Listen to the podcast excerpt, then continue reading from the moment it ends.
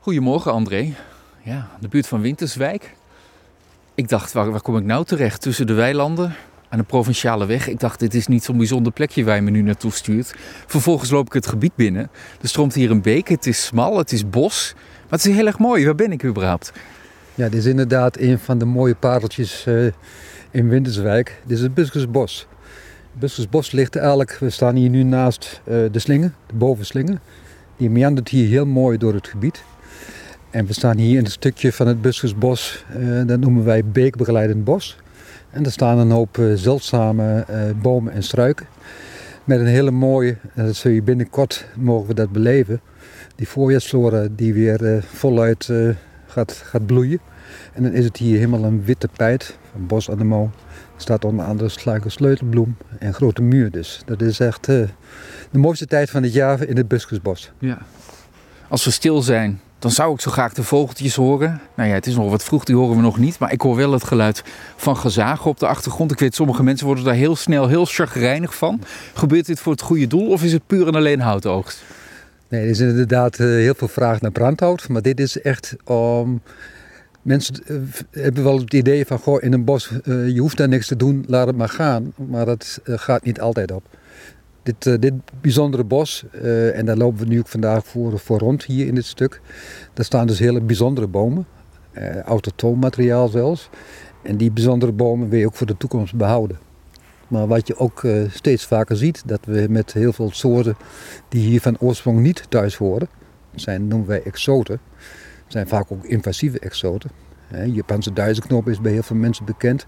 Precies, die, die komt hier terecht en die gaat eigenlijk woekeren. En voor je het weet neemt het uh, inheemse soorten over en verandert het hele landschap op een manier wat je niet wilt. Precies. En zo zijn er legio uh, planten, uh, ook struiken, maar ook bomen. En een van de bomen die wij hier nu gaan merken, dat zijn bijvoorbeeld de Noordse esdoorn.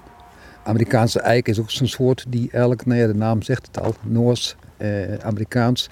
Het hoort hier niet van oorsprong thuis. En zeker in zo'n reservaat als dit.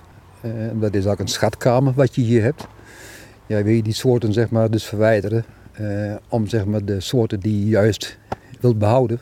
Om die zeg maar, te, te beschermen en te zorgen dat die niet worden weggeconcurreerd door die andere soorten. Nu heb je ook een expert meegenomen op het gebied van de schatkamers, hè?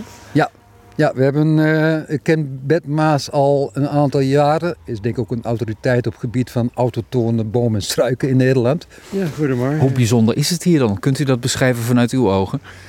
Uh, nou, dit maakt zo bijzonder dat er, uh, ja, dat er nog een po populatie zijn van soorten die hier echt thuis horen. Dus hier na de grote ijstijd, en we hebben het nu over, over een, een opwarming.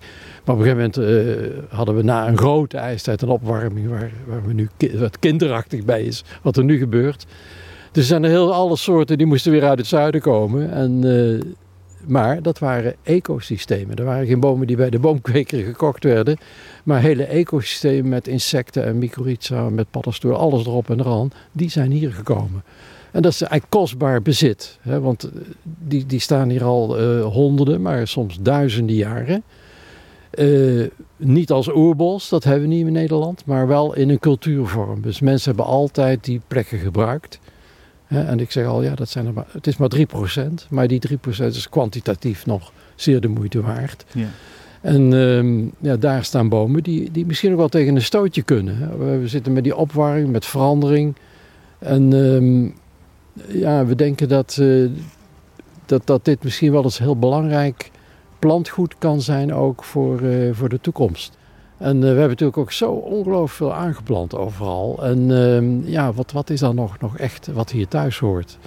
En uh, dan moet je toch denken aan heel weinig. Het is hier iets gunstiger in de, in de Achterhoek. Het hoort toch een beetje tot de, ja, de topgebieden voor uh, inheemse bomen en struiken in, in het land.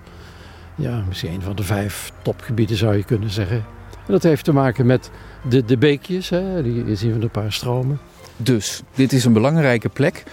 En dat betekent dat ik mijn ogen ook komend uur extra goed de kost moet geven. En dan ga ik zo meteen van u horen welke bijzondere soorten we hier nog tegen kunnen komen. die wellicht op veel andere plekken gewoon niet meer te vinden zijn.